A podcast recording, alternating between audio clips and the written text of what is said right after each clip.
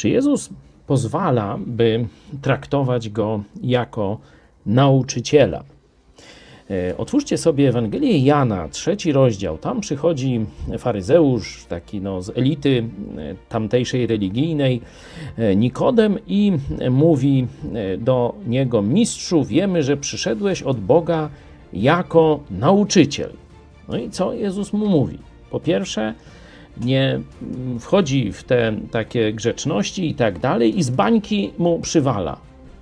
Jeśli się kto nie narodzi na nowo, nie może ujrzeć Królestwa Bożego. Czyli puszcza płazem bokiem te jego, że tak powiem, że tak komplementy i mówi: Musisz się na nowo narodzić.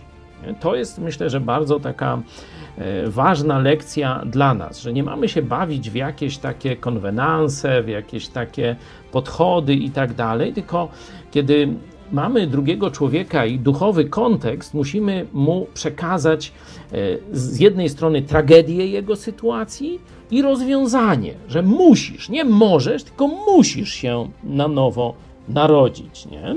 Bo inaczej pójdziesz do piekła. Zaraz dalej, oczywiście on nie rozumie, tam zagaja tego, śmego, Zaraz dalej Jezus mówi tak, czternasty werset. I jak Mojżesz wywyższył węża na pustyni, tak musi być wywyższony Syn Człowieczy, aby każdy, kto weń wierzy, nie zginął, ale miał żywot wieczny. Zobaczcie, Jezus w tym momencie przekreśla tezę, że On jest nauczycielem religijnym czy duchowym. Jeśli nie spojrzysz na Jezusa, jako na Boga. Mówi, musi być wywyższony ponad wszystko inne. Nie będziesz miał życia wiecznego.